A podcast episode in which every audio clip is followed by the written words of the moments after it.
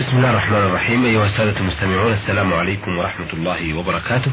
ومرحبا بكم في لقائنا هذا الذي نستضيف فيه سماحة الشيخ عبد العزيز بن عبد الله بن باز الرئيس العام لإدارات البحوث العلمية والإفتاء والدعوة والإرشاد.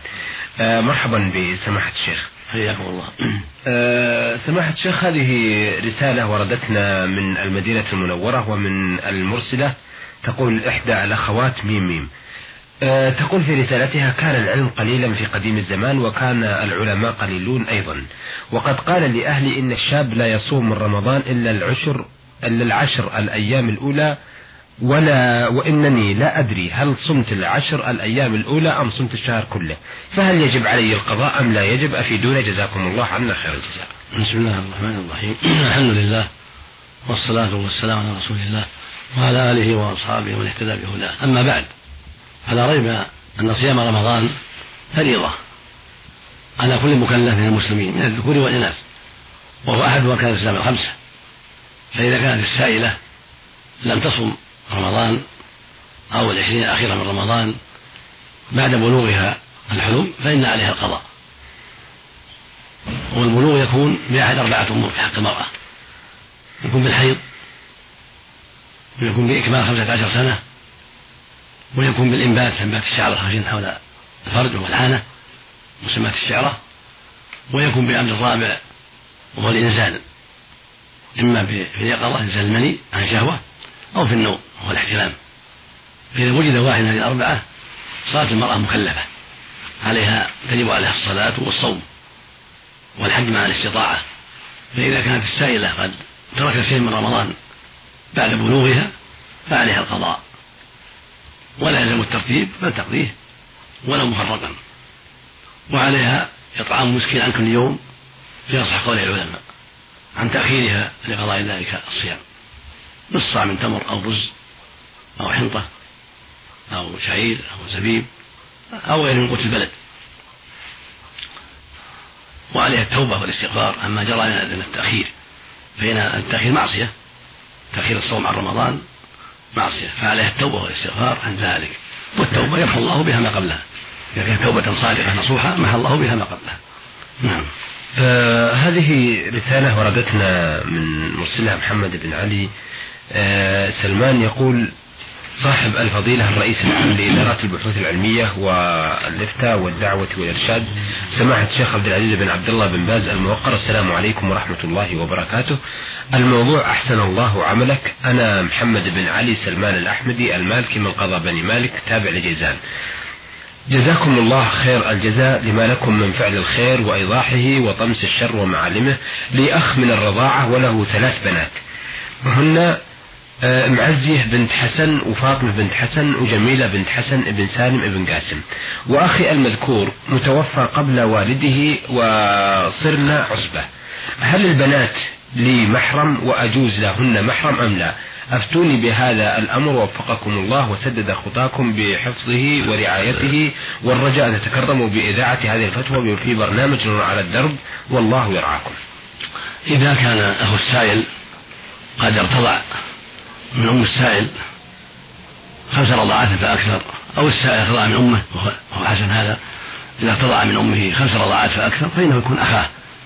وتكون بناته بنات أخ من الرضاعة محارم. فإذا تحقق هذا بأن كانت أم السائل أرضعت حسن المذكور فإنه يكون أخاه من الرضاعة.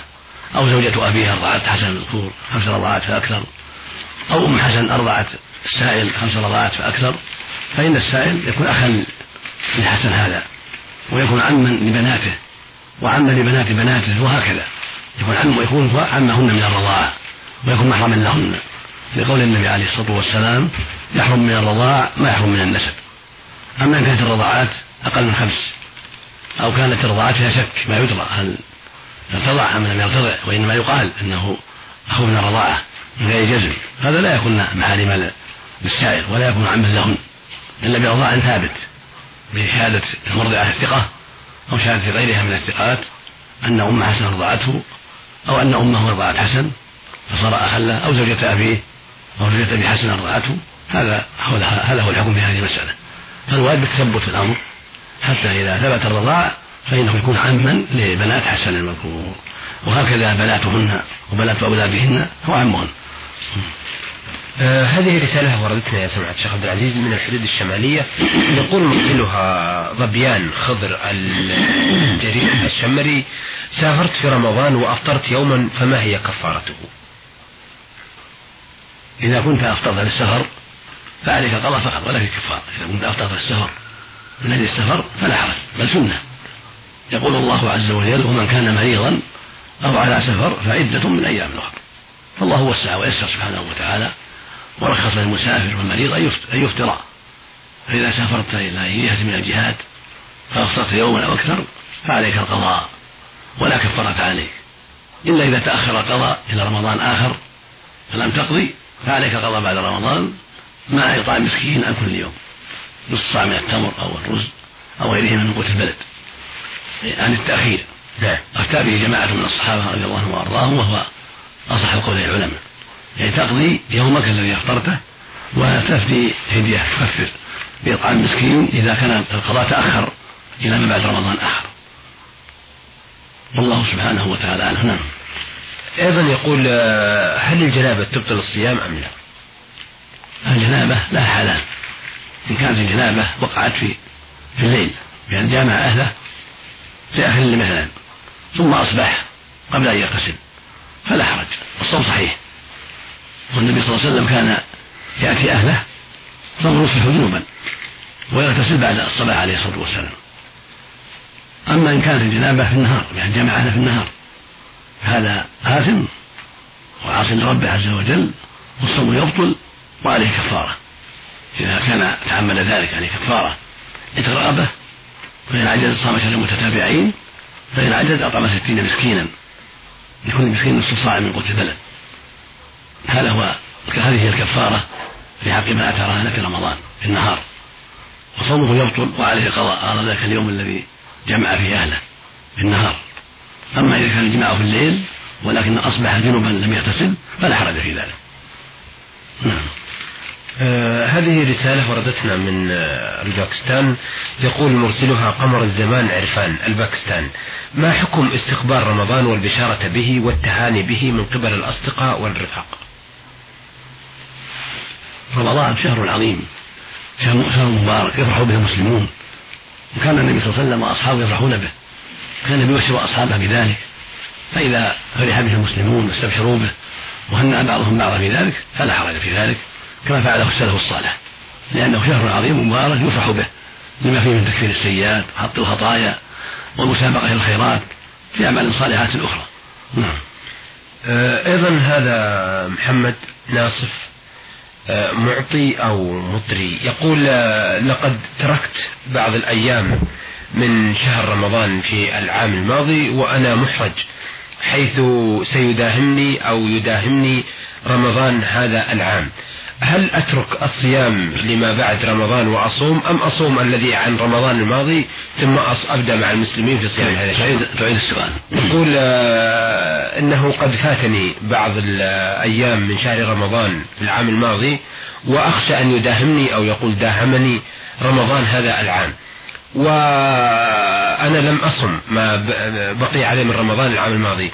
فهل أصوم آه الذي من العام الماضي أو أتركه وأؤجله وأصوم مع المسلمين رمضان هذا العام آه الذي علينا؟ يلزم السائل وفقه الله نعم. أن يبادر بالصوم في هذه المدة الباقية وأن يقضي ما عليه من الصوم هذا الواجب عليه قبل رمضان. ولا يجوز له التأخير والتساهل لكن لو غلبه أمر كمرض منعه من الصوم فإنه يصوم بعد رمضان وعليه إطعام مسكين كل يوم بسبب التساهل الذي ألجأه إلى التأخير.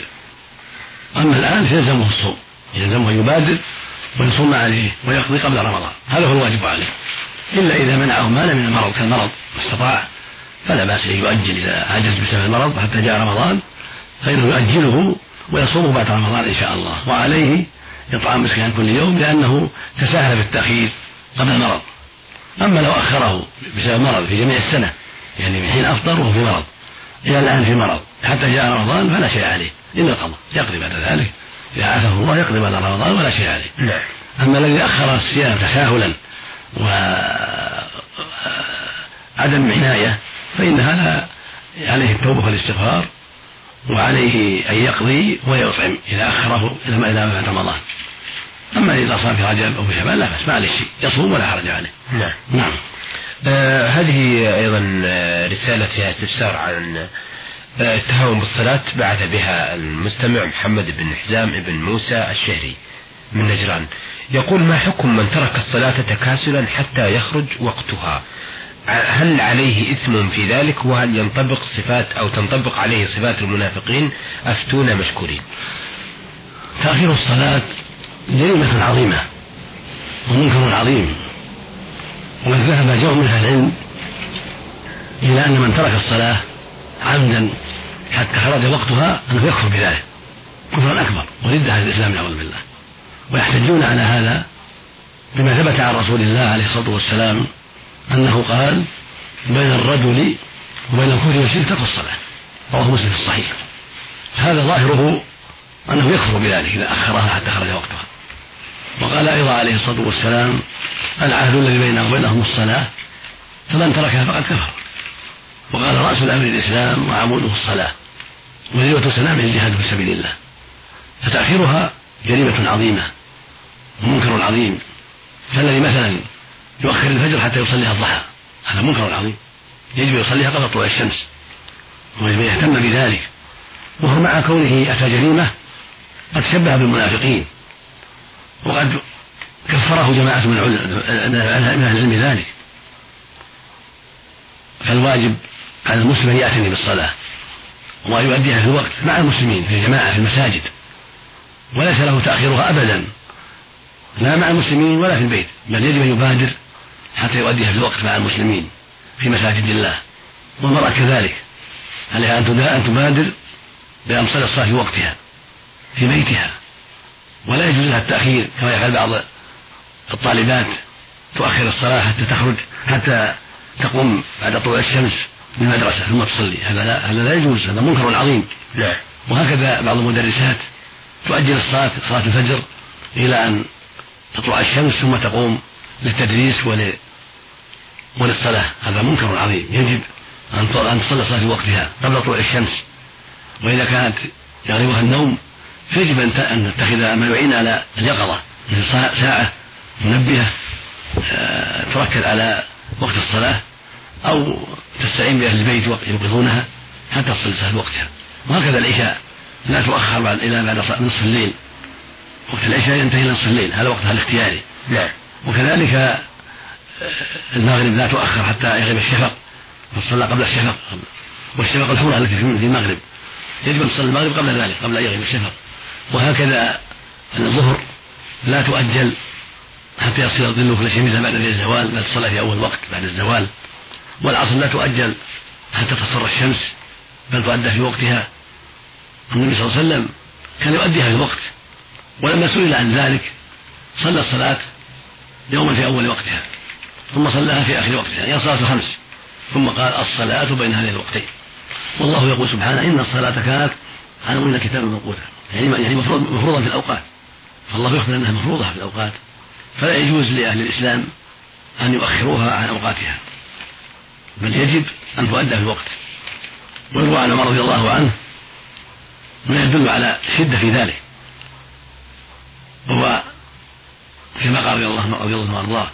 وثبت عنه صلى الله عليه وسلم أيضا في حديث عبد الله بن عمرو بن العاص أنه قال عليه الصلاة والسلام من حافظ على الصلاة كانت له نورا وبرهانا ونجاة يوم القيامة.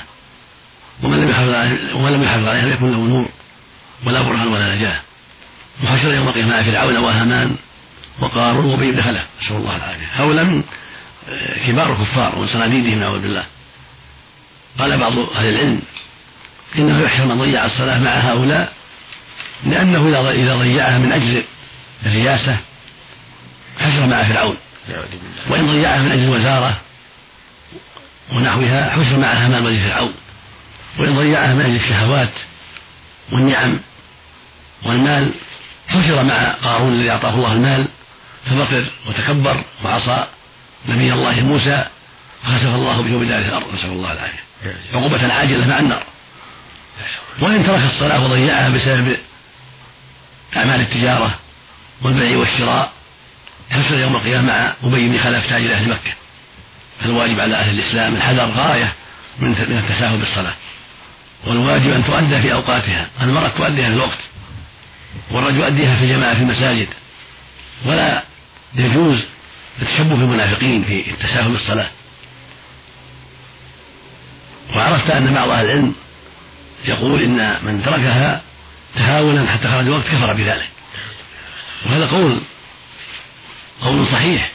ترك الصلاة تهاون وتساهل بها كفر أكبر نسأل الله العافية. لأن السنة تؤيده. السنة عن الرسول صلى الله عليه وسلم تؤيد هذا القول. فإن الباب فيه حديث صحيحة كما تقدم. فيجب على المسلم يحذر هذا الأمر الخطير. وأن يحافظ على الصلاة في وقتها وأن يستعين على ذلك بكل ما يستطيع من ساعة وغيرها حتى يؤدي الصلاة في وقتها مع إخوانه المسلمين. وحتى تؤدي المرأة صلاتها في وقتها في بيتها قبل خروج الوقت. فهي عمود الإسلام ولأهم الفرائض بعد الشهادتين. نسأل الله للجميع الهداية والتوفيق. أحسنت مذهبكم أيها السادة إلى هنا نأتي على نهاية لقائنا هذا الذي استضفنا فيه سماحة الشيخ عبد العزيز بن عبد الله بن باز الرئيس العام لإدارات البحوث العلمية والإفتاء والدعوة والإرشاد. وقد أجاب على أسئلة السادة المرسلة ميم ميم من المدينة المنورة واسأل عن ترك الصيام بعد البلوغ. والمستمع محمد بن علي سلمان الأحمدي المالكي من جيزان. وظبيان خضر الجرير الشمري من الحدود الشمالية. وقمر الزمان عرفان من باكستان ومحمد سلطان من الرياض وأخيرا رسالة محمد بن حزام موسى الشهري. شكرا لسماحة الشيخ وشكرا لكم أيها الأخوة وإلى أن نلتقي بحضراتكم إن شاء الله تعالى غدا. نستودعكم الله والسلام عليكم ورحمة الله وبركاته.